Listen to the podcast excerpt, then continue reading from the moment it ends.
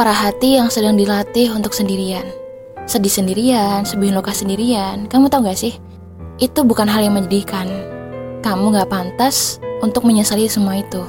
Lagian, itu menunjukkan bahwa kamu lebih kuat dari siapa pun. Karena kamu bisa bertahan tanpa hati dan tangan mereka.